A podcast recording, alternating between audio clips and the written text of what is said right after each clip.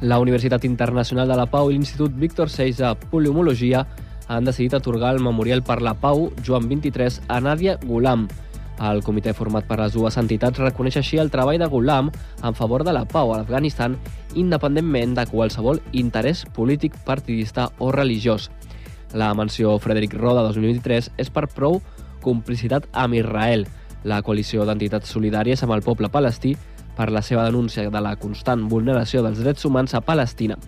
A més, també s'atorgarà el títol pòstum la menció a Kiko Gussi, pacifista compromès amb els valors de la pau. La Fundació de Sant Cugat Grupo ADA estat reconeguda per la seva diversitat i sostenibilitat als reconeixements empresarials PIMEC Vallès Occidental. L'entitat santcuatenca, que es dedica a oferir servei i projectes d'integració social, ha rebut el guardó en la cerimònia que s'ha celebrat aquest dimecres al Saló Modernista de la Fundació 1859 Caixa Sabadell. És la primera edició d'aquests premis que ha distingit set iniciatives empresarials de la comarca. Els Tiets faran sonar el seu coti per coti a la gala d'entrega dels Premi Capital de la Sardana, que té lloc aquest dissabte a les 6 al Teatre Auditori. El grup interpretarà en directe la versió completa per a cobla del Coti per Coti, amb la cobla Sant Jordi Ciutat de Barcelona. De fet, la formació ha estat guardonada amb el Premi Iniciatives Renovadores, precisament per aquest tema que té més de 17 milions de reproduccions a Spotify. La cerimònia comptarà també amb la consellera de Cultura, Natàlia Garriga, i l'alcalde Josep Maria Vallès.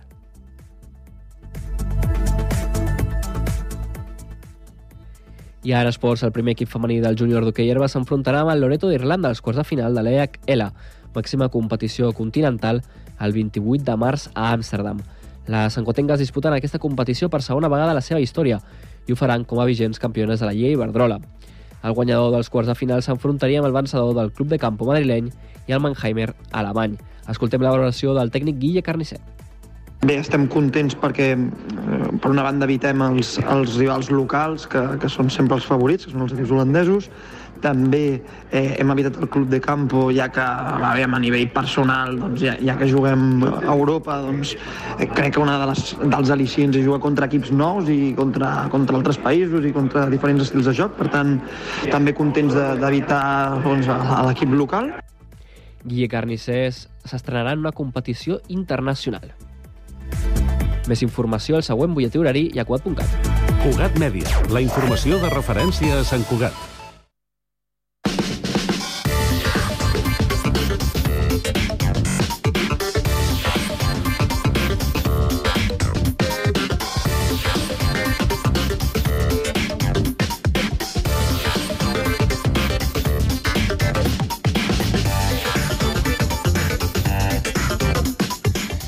De la tarda, 3 minuts, inici de la segona i última hora d'aquest Connectats de dijous. Informació de servei. Comencem pel trànsit. Roger Serra, bona tarda.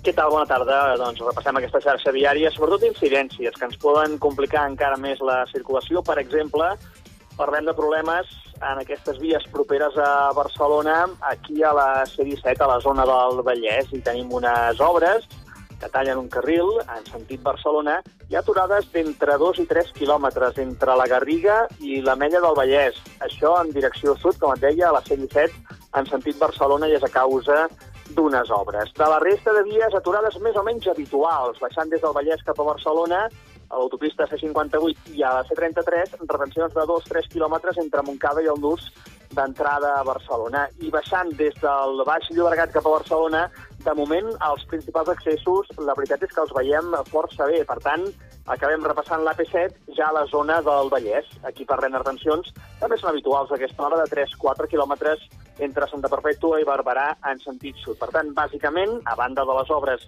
a la C-17 a la Mella del Vallès, a la resta de vies aturades més o menys habituals, vies que envolten Barcelona i a les seves rondes. És tot des del Servei Català de Trànsit. Gràcies i bona tarda, Roger. Bona tarda. Temps ara per a la informació sobre el transport públic. Anem al Transmet. Albert Garram, bona tarda. Doncs avui dijous, seguint la tendència d'ahir, parlem de normalitat a la xarxa de transport públic de l'àrea metropolitana. Els principals operadors de transport no han informat de cap incidència, així que les diferents línies funcionen sense cap alteració destacable, on es mantenen les freqüències i horaris habituals tant dels serveis ferroviaris com de la xarxa de bus. De moment això és tot des del Transmet.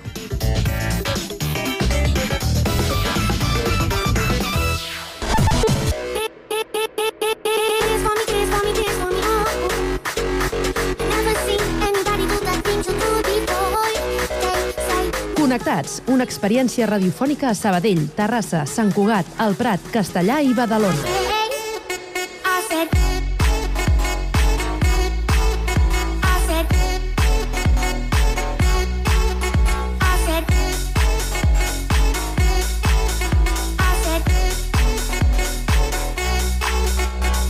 Connectats amb Carme Reverte.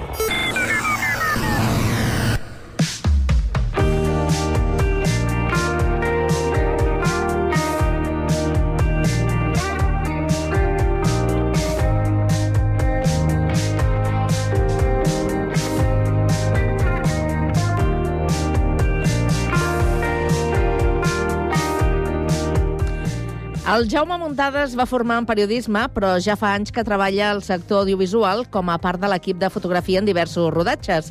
De fet, eh, s'ha estrenat eh, com a gaffer en la sèrie Això no és Suècia. Avui passa pel Connectats. Jaume, bona tarda.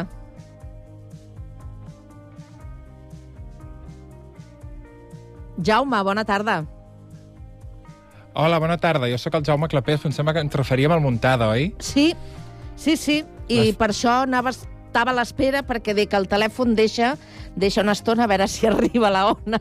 No, Jaume, Jaume Clapés, què tal, com estàs? Des de l'estudi de Ràdio tarda. Castellà, com estàs? Sí, bé, bé, aquí Oh. en directe.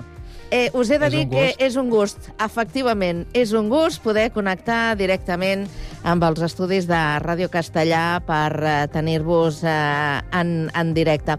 I no sé què, què, què està passant amb aquesta comunicació amb el, amb el nostre convidat, el Jaume Muntada. Via jo tele- tinc una lleugera... Ja el tenim? Mm, no, de moment... Tinc una eh, lleugera idea. Ell, ell, ell ara mateix, dintre de- d'això que has dit que era Gaffer, ara està localitzant per un nou projecte audiovisual, que no sé si ens podrà revelar o no de què es tracta, Ah. i casualment avui havia de tenir lliure, però per coses del mal temps que farà demà a Boïta-Ull, han hagut de canviar les dates i està avui a Boïta-Ull des d'on ens havia d'atendre aquesta petita entrevista que, que havíem de fer-li. No sé si això Ai, poder implicat que la cobertura o, o alguna Doncs- cosa tècnica no ha anat bé. Doncs no sé, a veure si podem sortir d'aquest eh, d'aquest misteri, eh, perquè la línia telefònica de moment eh, funciona. El que no tenim és resposta, diria, per, eh, per part de, de l'altra banda. No sé si és una qüestió de la, de la pròpia comunicació, és a dir, de si hi ha cobertura o no, de si està disponible o no, i sembla que sí, que tindrem bones notícies, eh, Jaume? Jaume, sí? sí, jo crec que sí. Sí, ja no sé quin ja, ja soc jo, sí. És el, Jaume, el teu estàs altre, aquí? el, te, el teu al- alter ego.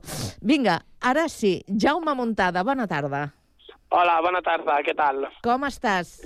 Bé, molt bé, molt bé. Aquí localitzant a Boitaull. Sí, sí, ara ens explicava el Jaume Clapés des de Castellà, perquè com que teníem aquesta petita dificultat a l'hora de- d'iniciar aquesta entrevista, ara ja hi som tots, eh? O sigui, una, una Carme i dos Jaumes. Molt bé, fantàstic. Doncs fantàstic. eh, an anem a conèixer una mica més el Jaume Montada. D'entrada ens has d'explicar, Jaume, eh, què és, qui- quina és la tasca del, del gàfer exactament, a, a, què, eh, a què et dediques dins de l'equip de fotografia? Doncs, bueno, bàsicament cada projecte audiovisual té, té el director té un director de fotografia, que és com la, la seva mà dreta, el, el que li dissenya una mica l'estètica al projecte en funció de la, de la càmera i les òptiques que utilitza, i per altra banda de la llum amb què ho vol il·luminar tot. I en base a això fa una mica l'estètica al projecte. Llavors, jo seria la mà dreta del director de fotografia en el que fa llum només, no càmera.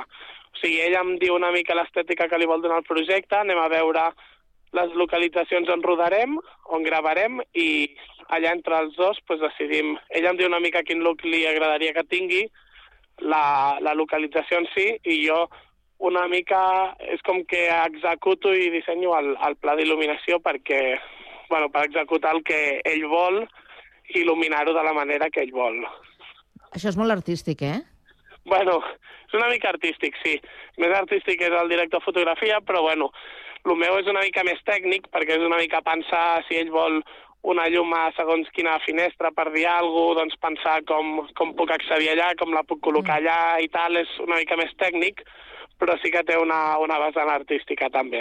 I escolta'm una cosa, no sé si et podem preguntar pel que estàs fent a Boita Ull. Estic local- localitzant la pròxima pel·li de la Marc Coll, que passa és que no puc donar més detalls. Ah, val. Que rodarem ara al gener i al ja febrer. és bastant. Ha donat Sí, sí, bastants, no, no? Jaume? No, sí, no sé fins a quin punt. De moment dic això perquè tampoc me la vull jugar. Molt bé, molt bé. No, no pateixis. Escolta, i abans comentàvem que eh, estàs a, a, a la sèrie Això no és Suècia. Eh, Sí. Explica'ns una mica com s'ha donat aquesta possibilitat. Doncs bé, jo eh, havia treballat prèviament en publicitat, sobretot amb el director de fotografia de, del projecte, el Nilo Zimmerman, i, i bé, li va sortir la sèrie, era la primera sèrie que li sortia, i bueno, va decidir contactar amb mi perquè ens entenem i tal artísticament, va seguir contactant amb mi per, per fer-li el projecte com a gaffer, i res, a partir d'aquí doncs, doncs vam anar localitzant, ens vam anar entenent, i res, en, vam anar rodant, vam ser quasi quatre mesos de rodatge, però bueno, tot bé, i bueno, ara aquest projecte també és amb ell, vull dir que és una bona senyal. Mm, molt bé. I llavors en... segueixes sent gaffer, eh?, en, aquesta, en aquest nou projecte? Sí, sí, sí, sí. Estic... I com- aquest com- pas és, és, he fet una mica el salt aquest de... Abans feia bastant més elèctric, però ara estic fent el salt a gaffer aquest any, i bueno, ho vaig combinant elèctric, diguem, perquè m'entengui la gent, és un, el gaffer, diguem que té un equip d'elèctrics, que són els que munten les llums i tot això, Llavors, a vegades vaig fent d'elèctric, però no estic fent el pas a gaffer aquest any ja. I com ha sigut encara aquest, aquesta, nou, aquesta nova posició que està una mica més amunt en la jerarquia?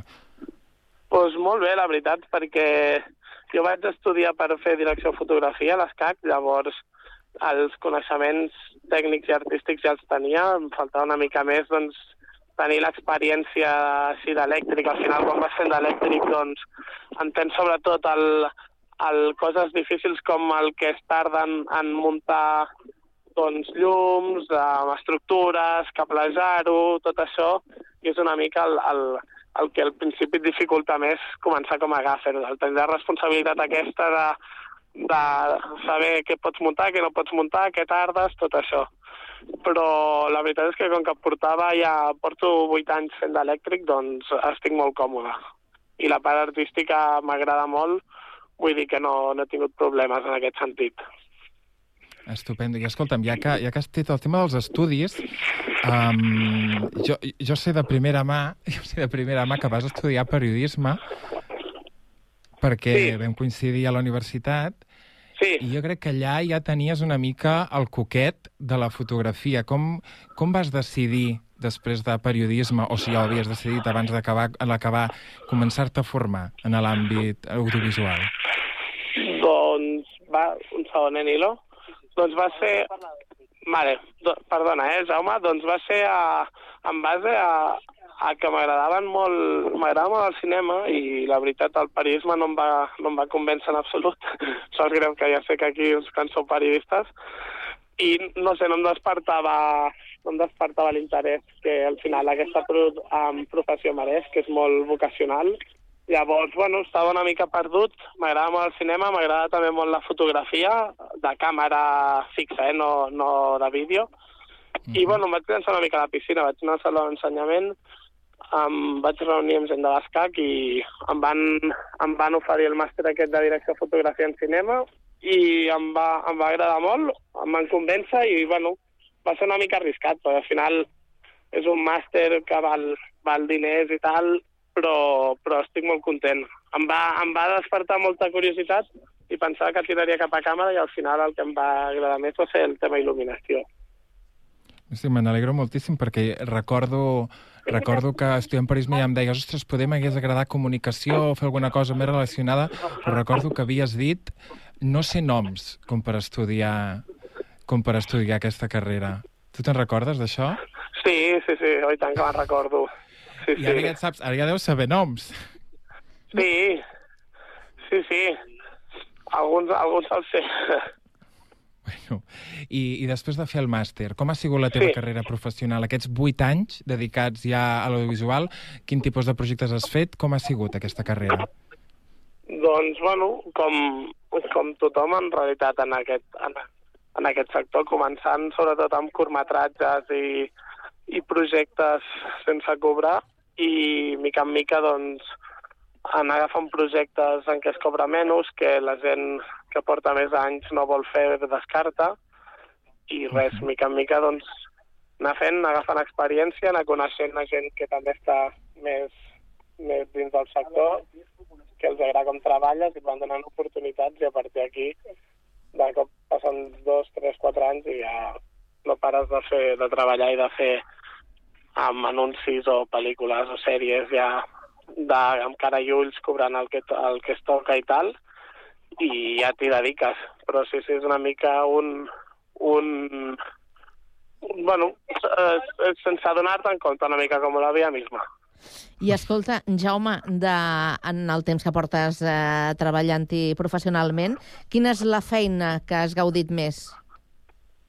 Doncs, doncs mira, precisament el, el, la sèrie aquesta, la, la de Sena Suècia, l'haig gaudir molt. També era el meu primer llarg com a gaffer i, i bueno, el recordaré tota la vida també per, per això, perquè era, bueno, era, una, era complicat en el sentit que no, no ho havia fet mai, i és molta organització, moltes localitzacions, um, bueno, em, em va costar una mica al principi també habituar-me a tot el, el que representa fer un, un llarg de gaffer i el, el, el, vaig patir una mica, sobretot al principi, que amb les inseguretats amb normals de quan ascendeixes una mica, diguem, i tens aquesta responsabilitat que no Sí. estàs acostumat, però, però també l'he gaudit molt, he tingut molt bon feedback de molta gent i també m'ha obert moltes portes, o sigui que, que és del, dels projectes que he gaudit més. Sí. D'això se'n diu aprenentatge.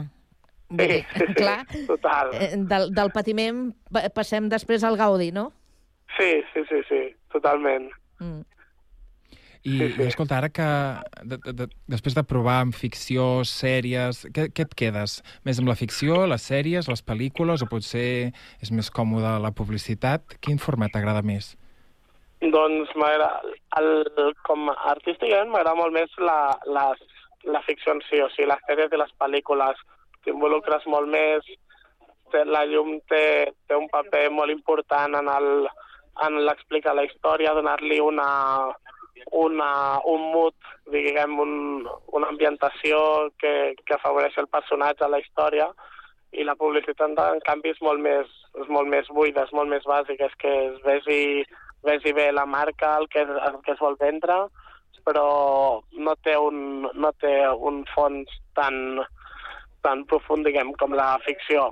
El que passa és que, bueno, sí que és veritat que la publicitat econòmicament està millor pagada, són menys dies, uh, tens molts dies entre setmana lliures, o si treballes menys, diguem, i cobres més.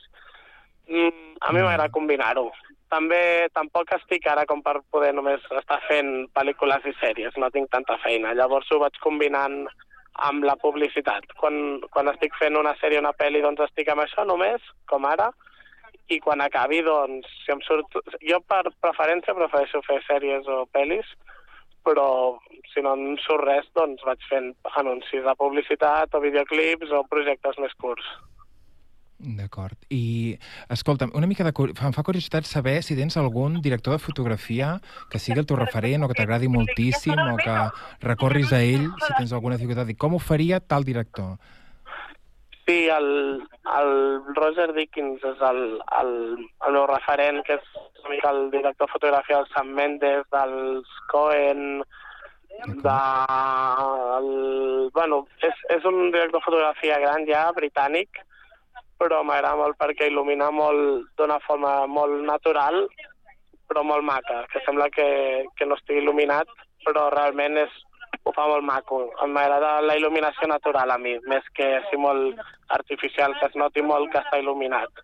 Crec que com més, com més sembla que sigui natural, més, més valor té i més difícil és. I, i, i què serien les característiques d'una bona fotografia per tu? Serien no, la naturalitat, a part de que sigui Sí. expressiva. Exacte, que, que al final l'important és que, que vagi acorde amb el guió, saps? Que, que pues, per, per dir alguna cosa, que si és una història fosca, de por i tal, doncs una, la fotografia sol ser més fosca, més, més contrastada i tal. Sí, que vagi acorde amb la, amb la història, diguem, però, però també m'agrada molt això, que sigui molt naturalista, que, que no es vegi recargada i molt il·luminada, saps? Que sembli quasi, quasi que no s'ha posat res. D'acord. Uh, doncs, Jaume, hem d'anar acabant. Moltes gràcies per atendre'ns al Connectats. Ah, home, no, vosaltres. Moltes gràcies per trucar-me. Li, li demanarem, en tot cas, abans de marxar, que ens digui quin és el tema musical que ha triat eh, per tancar aquesta entrevista, no? que ens parla també una mica de, de l'estil, de la personalitat de, del convidat. Quina, quina ha estat la teva, ti, la teva tria, Jaume? Doncs jo vaig dir qualsevol tema dels Red Hot Chili Peppers, que és el meu grup preferit, però vaig decantar-me per Other Side, al final. Mm -hmm. Doncs és un tema que compartirem eh, de seguida amb la nostra audiència i esperem doncs, que vagi molt bé la, la feina i escolta, que m'imagino que tindràs temps per descansar i celebrar el Nadal, no? Sí, sí, sí, sí. Ara estem localitzant tota aquesta setmana i estaré tranquil·let al Nadal preparant, fent la preproducció de la, d'això, de la pel·lícula aquesta, però estaré tranquil·let, sí, sí. Molt bé, doncs escolta, que vagin molt bé les festes. Molt bé, moltes gràcies. I bona feina. I, i Jaume Clapés, escolta, que espero escoltar-te més dies, eh? Esclar que sí. Des de l'estudi de Ràdio Castellà. Esclar que sí. Vinga, que un dia, un dia vindré a veure-us. T'esperem. Gràcies, que vagi molt bé, bona tarda. Adéu, que vagi Adéu, merci. Adéu.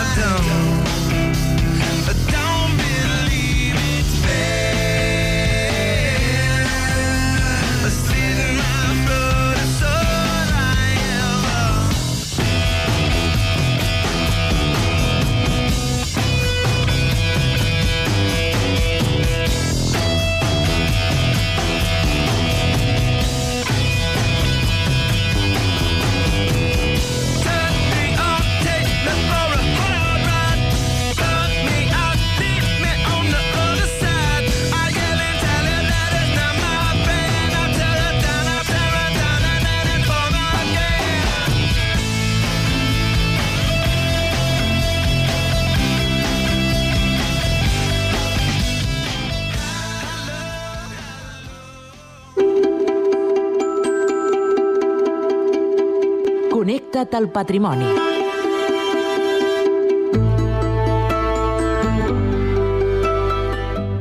Aquest podcast és una producció de Ràdio Ciutat de Badalona.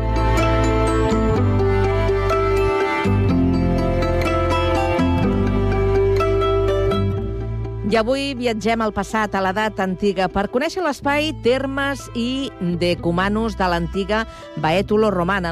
I ho fem de la mà de la directora del Museu de Badalona, Margarida Abres, que es troba als estudis de Ràdio Ciutat de Badalona amb la nostra companya Andrea Romera.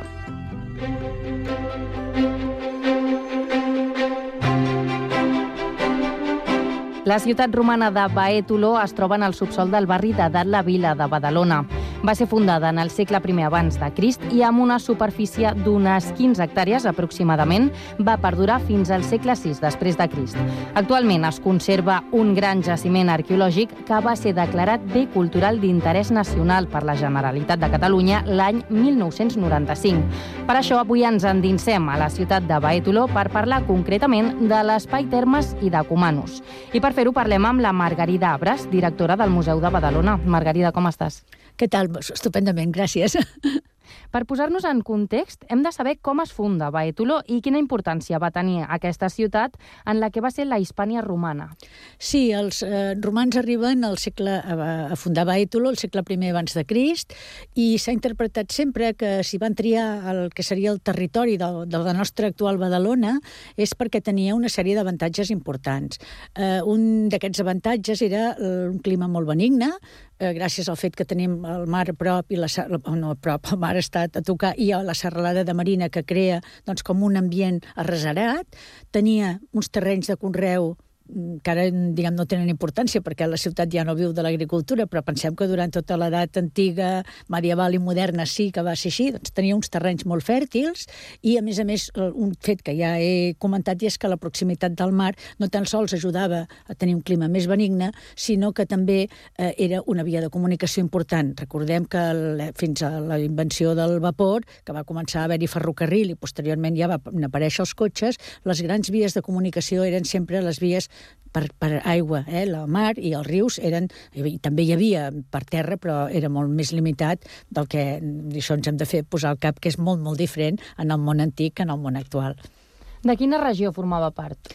Formava part de la Tarraconense i bueno, també sempre ens agrada molt destacar, has comentat que es va eh, fundar el segle I abans de Crist i eh, s'ha de cridar l'atenció sobre el fet que Baètulo va ser una fundació d'època republicana, o sigui, quan encara no s'havia fundat l'imperi romà. Roma va començar a expandir-se quan encara, eh, diguem, a l'època que encara l'August no havia eh, fet eh, declarat, no s'havia declarat emperador. I aquest fet eh, sempre ens enorgulleix molt perquè som més antics que Barcelona Barcelona. Eh? Barquino, que és la, la veïna Barcelona, serà una fundació d'August, precisament. Però, en canvi, a Badalona els romans arriben i la funden abans que, eh, abans que August governés, bastant abans. Avui, com que parlem de patrimoni de la nostra ciutat de Badalona, volem parlar concretament de l'espai Termes, que es pot visitar al Museu de Badalona. És bàsicament el que eren les típiques termes romanes, però què eren exactament? Eren uns edificis que eren com, ara podríem dir un spa, eren uns edificis de banys públics, en aquest cas. Pensem que de termes n'hi havia de públiques i de privades, perquè hi havia cases que eren molt poderoses, les, bueno, molt luxoses, algunes d'homos, que mm, podien tenir termes. Què hi tenim? Doncs hi tenim eh, les tres estances principals, però prèviament sempre n'hi ha una altra que també l'hem de comentar, que és la, la palestra. La palestra és un pati on es feien exercicis de lluita grecorromana o qualsevol exercicis físics, i després eh, ja s'accedia en la part de pròpiament les termes, on distingim les tres sales que reben un nom diferent per la temperatura que cada sala tenien. Hi havia el frigidàrium, o la sala d'aigua freda, que té una piscina, el, el Tepidàrium, que és una sala temperada, en aquest cas no té piscina, hi ha un banc i estava dedicada a massatges i depilacions, i després hi ha la tercera sala, que és la més espectacular, perquè és la que conserva uns mosaics més, més bonics i més vistosos, eh, i a més super ben conservats, que és la sala del Caldàrium, que estava dotada d'una piscina, i aquesta piscina tenia aigua calenta. Caldàrium, eh, Tepidàrium, Frigidàrium estan comunicades per unes obertures que no tenien porta, perquè si tinguéssim porta haguéssim trobat la polleguera, però són obertures molt estretes i és molt important que quan algú les vagi a veure, quan les, els que ens escoltin les vulguin visitar, que es fixin que no estan alineades. Al revés, eh? o sigui, estan mm, descentrades unes en relació a les altres i això és per evitar la contaminació tèrmica, per evitar els corrents d'aire que poguessin eh, portar l'aire fred allà on havia de ser calent. I també s'interpreta que segurament hi havia algunes cortines, mm, perquè és que són molt petites, eh, aquestes obertures, doncs unes cortines per mm, també impedir doncs, aquest corrent d'aire. Abans de parlar d'aquestes tres sales, m'ha cridat molt l'atenció que has comentat que a la palestra es feien com, com exercicis físics. Era també, o sigui, es combinava com una mena de gimnàs amb un sí. spa? Sí, sí, era una, la palestra era un pati que en part estava cobert, tenia una part porticada, porxada, però tenia l'altra part a l'aire lliure. I en allà mm, podien això fer, fer des de jugar a pilota fins a lluita grecorromana, que d'aquí li ve el nom, o fer acrobàcies, no sé, cada, cadascú suposo que segons les seves possibilitats, i després normalment el que feien és que anaven passant, eh, crec que començaven per l'aigua calenta i acabaven per la freda. Vull dir que sí, quan he dit la paraula spa l'he dit mm, pensant molt que efectivament era un lloc on fer exercici i mm, també s'ha de dir que en el nostre cas no, però amb el temps hi haurà termes eh, enormes, eh, les de Roma, bàsicament, que algunes fins i tot tindran biblioteca. O sigui que les termes mm, eren, eren un lloc realment de, de fer-hi molta vida, eren molt importants a la vida dels romans. Diguem, els nostres, la majoria, són per fer exercicis i per banyar-se, però a vegades tenen també funcions fins i tot eh, intel·lectuals. Vull dir que són, eh, són molt, és un edifici molt potent sempre en el món romà. I quants cops s'anava a la setmana, més o menys, a aquestes termes, i qui les freqüentava? No, d'això de quants cops s'hi anava, no. A veure, eren de pagament, per tant, també suposo que depèn del, del poder adquisitiu de cadascú. Sí que puc dir que les freqüentava tothom, o sigui, tant rics com pobres, i tant homes com dones.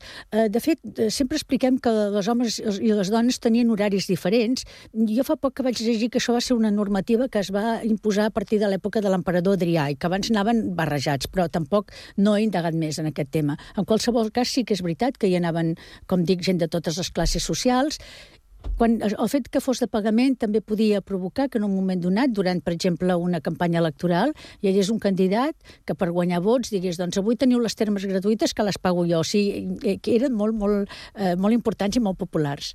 M'interessa parlar d'aquest circuit que has comentat, no? Es comença fent exercici, després es passa per l'aigua calenta. Anem a centrar-nos en aquestes estàncies. Primer parlàvem del caldàrium, que és el lloc on està sí. l'aigua calenta. Què es conserva del caldàrium de Badalona? Què es pot veure? Del caldàrium de Badalona veiem la, la, la piscina, que he comentat, veiem els paviments, que són ja bàsicament tres paviments que ara explicaré, i veiem eh, un banc. He de dir que aquest banc, que també el veiem al Tepidàrium, eh, no és autèntic. És una reconstrucció construcció, perquè en el moment quan, que es van descobrir les termes, eh, les va descobrir el senyor Josep Maria Cuyàs i ell va ser, el considerem, el fundador del museu, però en aquell moment ni ell ni els arqueòlegs que van fer el seguiment de, de, bueno, que des de, des de la, la comissaria d'arqueologia van anar fent el seguiment, no van saber interpretar que aquells bancs eren romans, es va interpretar que eren moderns i es van desmuntar. Gràcies al fet que s'han conservat fotografies, perquè ho van documentar molt bé, i amb els coneixements que hi ha ara, doncs se sap que aquests bancs eren mm, propis de, de les termes d'aquells moments, del segle I abans de Crist, i aleshores es van reconstruir. Per tant, el banc, hem de dir que sembla real, perquè a més s'ha reconstruït tal qual es va trobar, seguint la, la foto, però no és veritablement l'autèntic. En canvi, el terra és un terra que porta allà 2.000 anys i realment et meravelles mm, perquè està molt ben conservat. És un, tela, un terra fet d'un paviment fet de, de mosaic de tessel·les blanques, que al mig té una, més o menys al mig, té una, una, un dibuix quadrat que forma una roseta de sis puntes, envoltat d'una esbàstica contínua, que fa com com una sanefa i alhora envoltada d'un altre detall decoratiu que fa com unes onades. Aquestes onades, eh, que són si en blanc i negre, eh, de color no és, aquestes onades es trobem altra vegada reproduïdes al llarg de la piscina del Caldàrium i després al costat hi tenim una, una altra sanefa, que és un quadrat al qual li falta un cantó, amb uns mm, dofinets, eh, perquè els dofins eh, el Mediterrani anava ple i eren un motiu típic de, de l'època romana, i aquest eh, mosaic que va contra una paret s'ha mm, interpretat que probablement marcava, era com un marc per alguna mena de, de, com de pica, perquè en la sala del caldàrium sempre hi havia molt vapor, i pot ser que la gent, algú es marejava o es trobava una mica així com aclaparat de tanta calor, doncs allà sempre hi havia una pica d'aigua fresca perquè la gent es pogués doncs, tirar aigua fresca, fresca a la cara ara, per exemple. No? Aquesta és la sala més espectacular, com dic, perquè realment els, els mosaics són mm, perfectes i no s'han tocat en, ja no en 2.000 anys, ja en més, perquè parlem del primer abans de Crist, doncs en, en 2.000 anys i mínim un quart de segle més. També es, es conserven unes fornícules, que són això aparentment unes ornacines, que diríem en castellà, que eren les taquilles on eh, els romans, bueno, els, els baitolonensis, quan s'anaven a banyar, doncs deixaven en allà eh, la, la tovallola, que era un drap de lli, deixaven el seu unguantari, i per tant, en, un cop eh, les veus, és molt fàcil d'entendre quina funció feien, què hi anava allà a fer la gent, i, i són molt, doncs, tenen una estructura molt clara. Parlem ara del Tepidàrium, que és el segon pas d'aquesta aquest, sí. ruta per l'ESPA. Has comentat que es depilaven, això em sí, crida bastant sí. l'atenció. Ja des de l'època romana, sí. com es feien aquestes depilacions? Es depilaven amb pinça seguríssim, perquè hem conservat, tenim, eh, si anéssim a, a veure la nostra pròpia exposició de Baetolo Ciutat Romana, hi ha pinces exactament igual que les que podem, eh, que les que s'utilitzen avui dia. Jo en aquest moment no, no sé si també es depilaven d'altres maneres. No, no, no, és un tema especialitzat i la veritat que no ho sé. Però sí que puc es, eh, explicar una anècdota de, crec que era Sèneca, que, que vivia a Roma al costat d'unes termes. I ell fa una descripció que està tip de tenir les termes al costat perquè no viu tranquil, perquè sent com es tiren a la piscina, sent com la gent va xerrant quan entra i surt, i sent els crits que fan els que s'estan depilant, que els hi devien fer mal, com, com ara, no?, mm. que a vegades t'arrenques un pèl i ai... I ja pateixes. I, i ho explica, vull dir que sí, que de depilacions se'n feien seguríssim. I com és aquest epidàrium de Badalona? També, bueno, també té, té un terra crec que és del Posignino, ara no recordo el tesselat, és que, mira que l'he vist vegades. Bueno, és, és una sala que té, simplement, en aquest cas, és la que es troba al mig i té, té el banc, aquest banc que, com, com he comentat abans, és un, banc reconstruït, però que bueno, ens explica molt bé eh, la funció que podia tenir i després també conserva, tot i que no tan bé com el caldàrium, les fornícules aquestes que he dit que eren taquilles.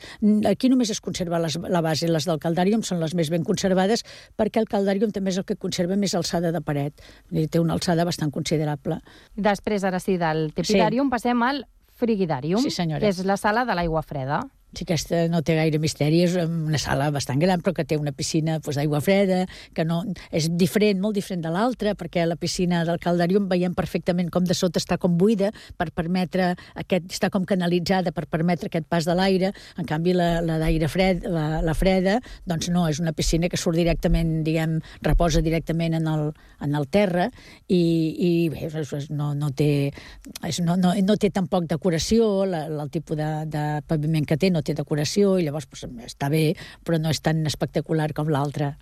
Tots aquests espais es poden visitar al Museu de Badalona, sí, oi? Sí, sí, sí, efectivament.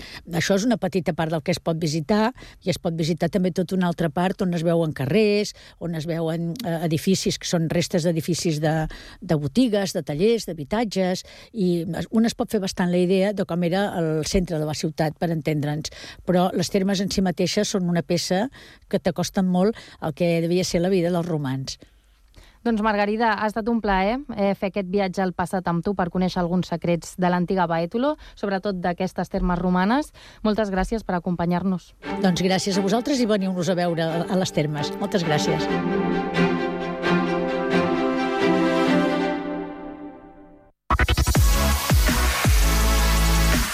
Connectats, una experiència radiofònica a Sabadell, Terrassa, Sant Cugat, El Prat, Castellà i Badalona.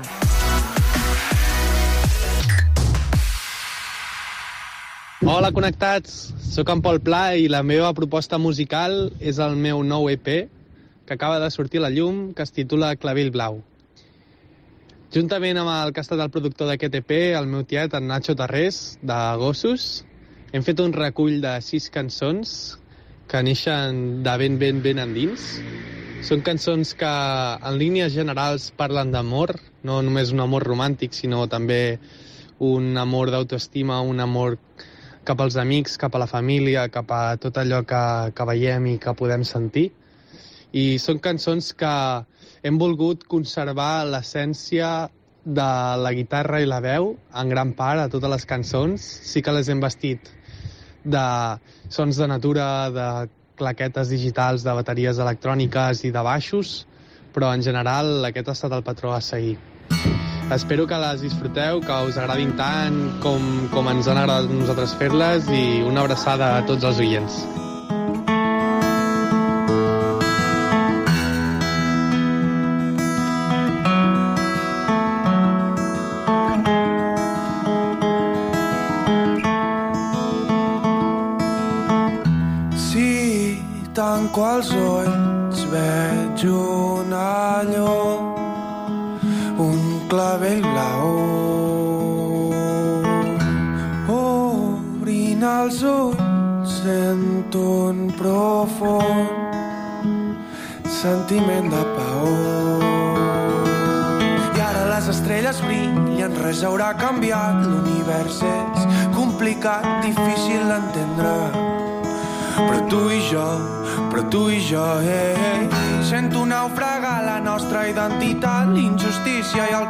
Caos que ens està matant. I no sento no, tinc tants dubtes que a voltes explota el meu cap i ara tu m'estàs mirant. Jo vaig a comprar el pa, no porto cap llista, avui més capat, que puc tenir ales pujar al teu terrat. De deixant-ho anar al sol sortirà a la teva mà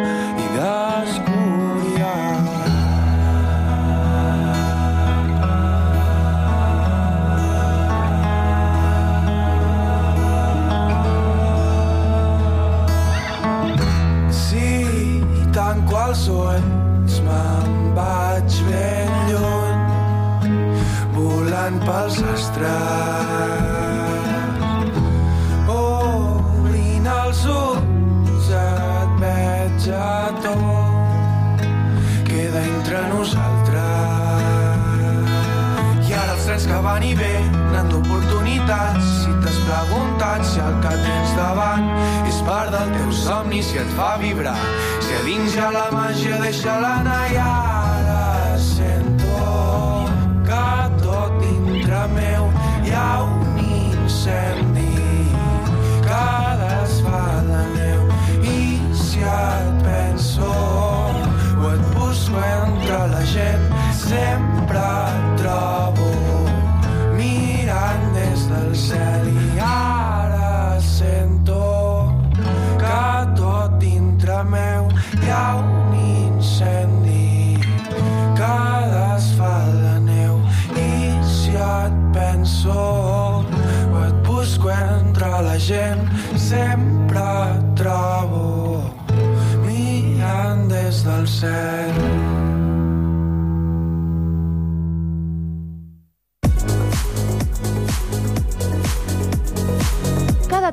446 Connectats. Una experiència radiofònica a Sabadell, Terrassa, Sant Cugat, Castellà, El Prat i Badalona.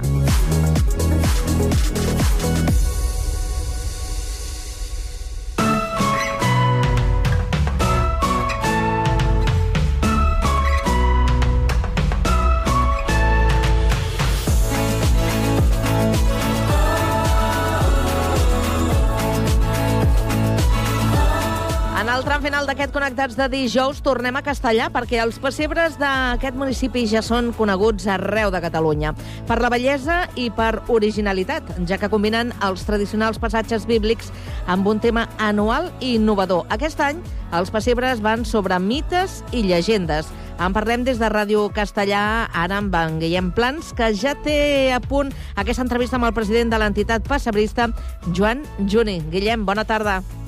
Bona tarda, Carme. Per molt que comencin les campanyes comercials i els carrers quedin decorats amb llumetes, el tret de sortida de Nadal a Castellà, per molts, són els pessebres.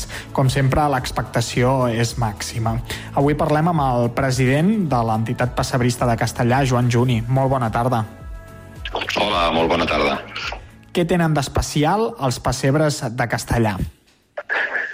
Que són únics cada any. Són únics cada any, eh? Sí, sí, els cels temàtics, que ja portem 12 anys fent els temàtics, doncs són pessebres que, que sorprenem en els visitants perquè cada any triem una temàtica diferent i fa doncs, de que tinguin un dinamisme que, que no el tenen amb altres entitats, en altres llocs. Qualsevol persona que vagi a veure una exposició de pessebres doncs espera trobar-s'hi el caganer, el Jesús, la mula, però a l'exposició de Castellà t'hi trobes el timbaler del Bruc, el Pere i el Llop, el Serrallonga, les dones d'aigua, el Pere Botero, l'home dels nassos, el mite de Narcís, el déu Neptú o un personatge llegendari local de Castellà com la Bíblia el drac de Sant Llorenç del Munt. Una vintena de, de pessebres, i tots amb, amb aquesta particularitat. Quina és aquest any? Aquest any són, com suposo que deu, deu suposar la gent amb el que has dit, amb mites i llegendes.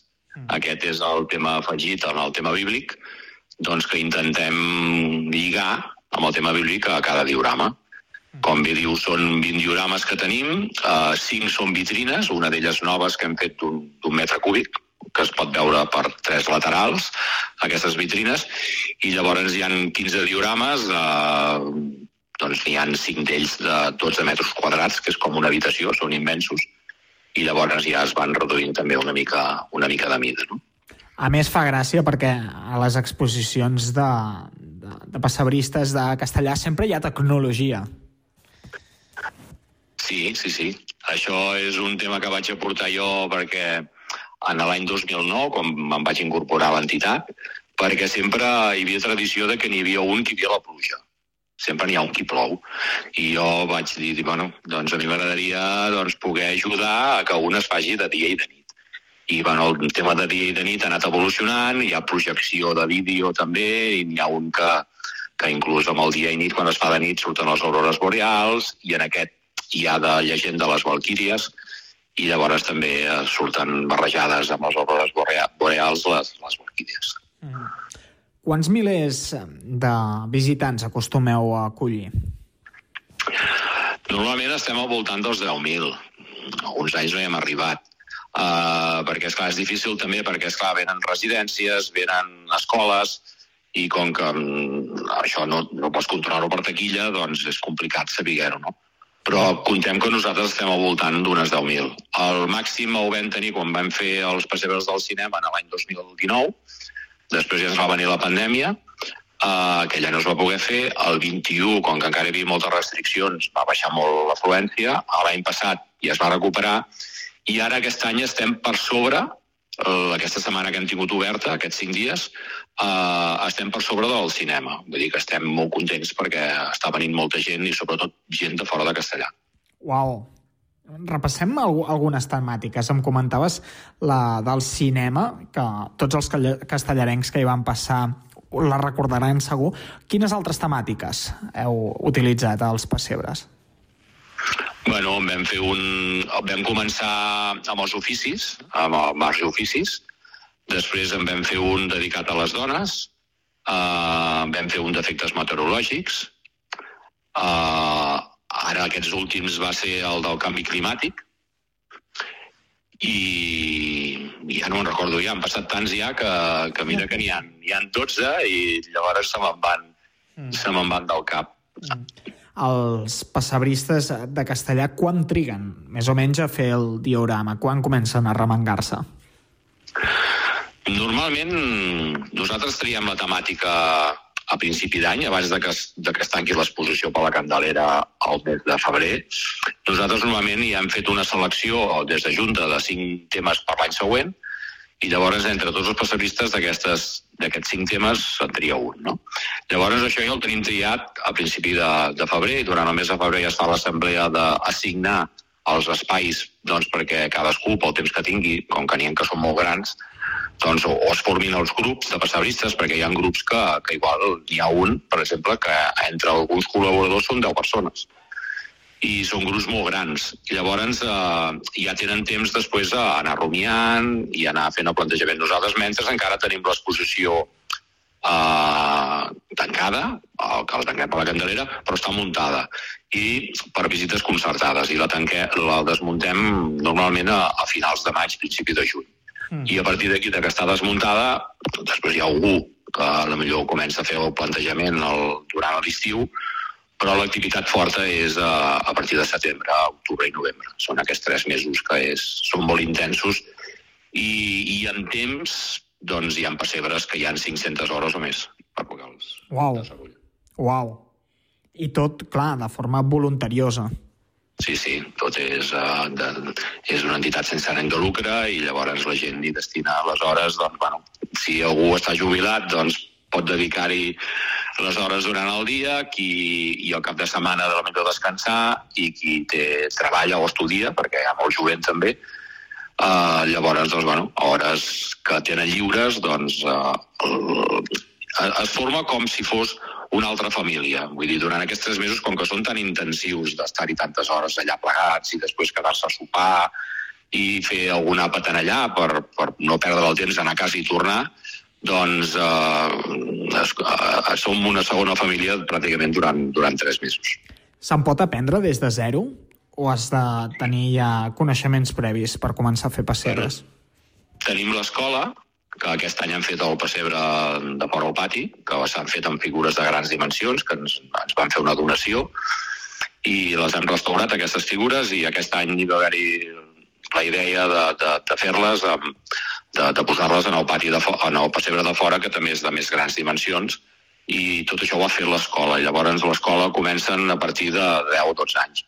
També, com és lògic, amb aquests grups tan grans, com per exemple aquest que he nombrat abans, que hi havia 10 persones, s'han incorporat dues noies joves que, amb dots artístiques, que, que les ha ensenyat el, el passebrista, que és el que porta més anys a, a fent pessebres, no? que abans estava a Sabadell i ara porto bastants anys aquí a Castellà, l'Ernest, i els hi ha fet de mestre. I llavors, doncs, bueno, amb quatre instruccions que els hi han donat i l'acompanyament durant cada dia, doncs han fet coses molt maques i molt rellevants. Mm. Vull dir que s'aprèn, i, i també s'ha après a fer figures. Clar, a fer els temàtics també necessitem fer figures expresses. Llavors, per exemple, això que parlaves, no? que si amb un dia un bandoler eh, que si el timbaler del Bruc doncs, es tenen de fer eh, les figures expresses de la temàtica que fas que mm, van conjuntades després a, a través del, del pessebre tradicional del, del naixement o, o de la temàtica que hi hagi cada un doncs, d'una d'una escena bíblica. Has comentat mm, que hi ha pessebristes joves. Això és que hi ha relleu a l'entitat. Sí, aquí el tenim super assegurat, perquè tenim des de canalla de 10-12 anys passant amb tots els cicles d'edat fins als 70 i pico d'anys. Això és molt bo, eh? perquè no totes les entitats tradicionals de castellà asseguren el relleu.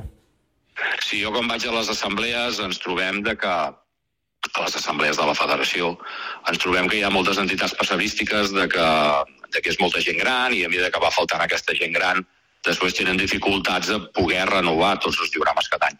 Nosaltres cada any ho tirem tot a terra i es fa tot nou. I la, la gran pega és de que uh, si no en tenim algun encàrrec perquè el portem l'any següent a un altre lloc, els tenim de llançar, perquè no tenim lloc per poder-ho guardar. Encàrrecs. Us fan encàrrecs de diferents parts de Catalunya, ara que en parlàvem. Exacte. On t'han anat a parar els pessebres de castellà?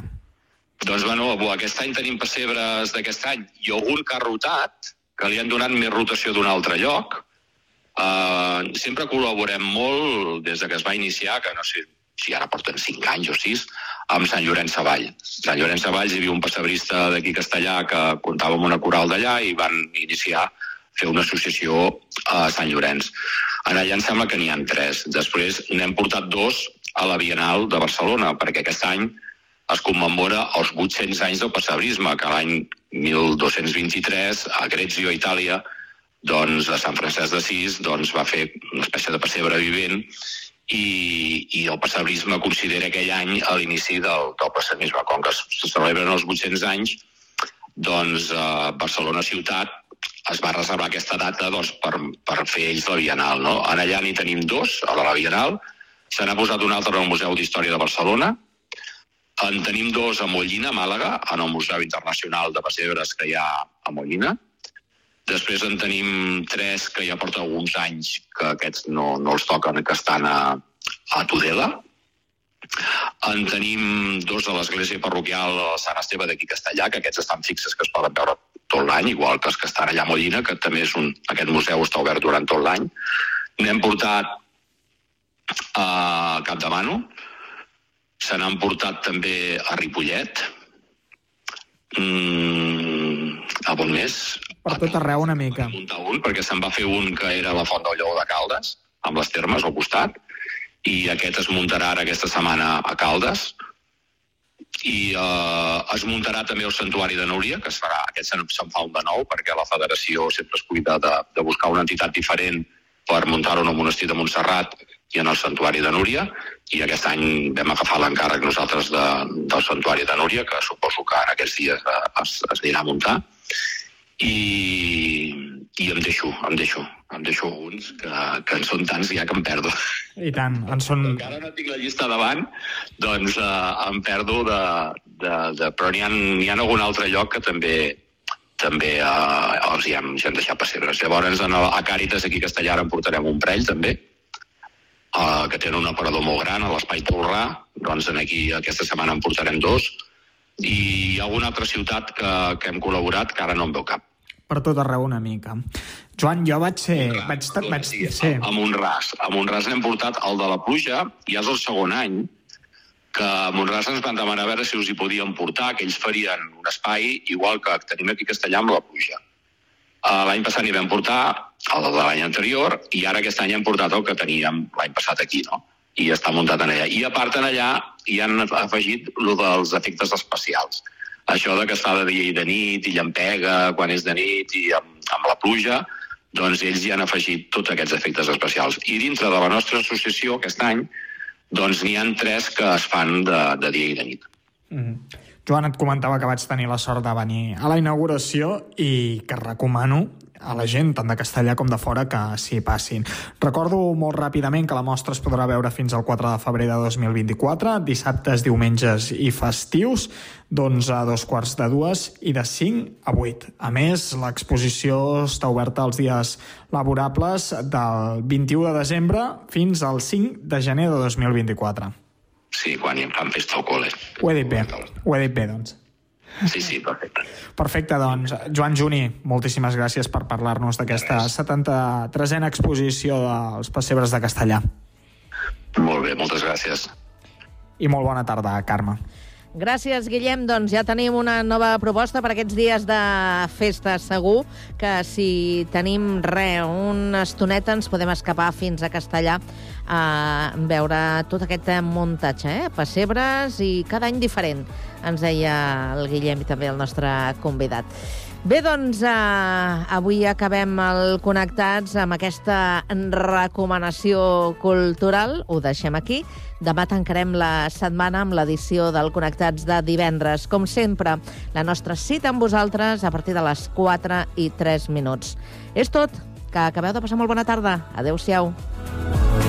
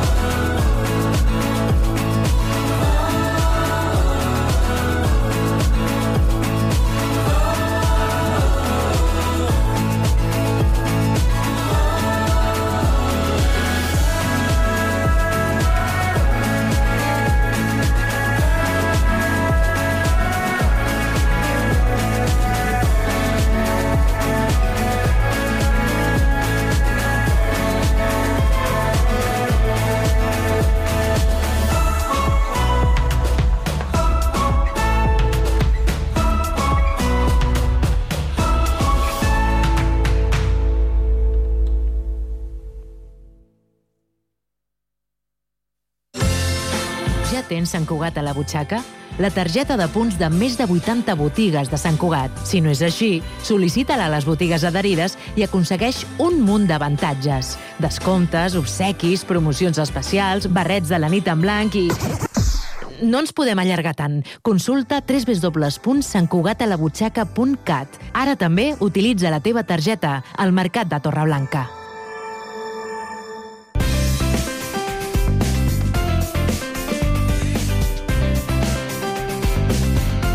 Ràdio Sant Cugat, 91.5 FM.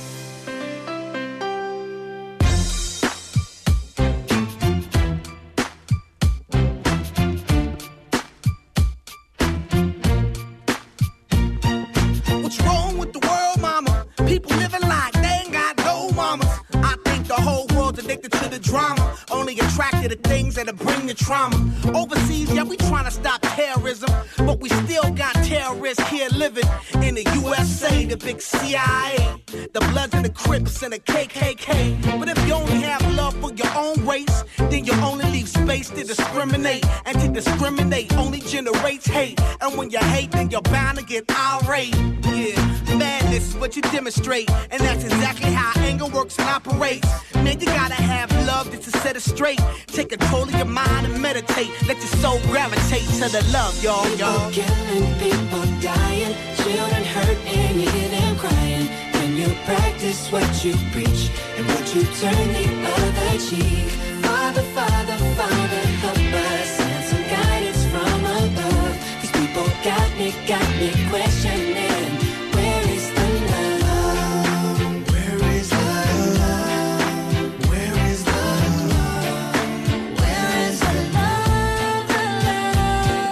It just ain't the same. Always new change. New days are strange. Is the world insane?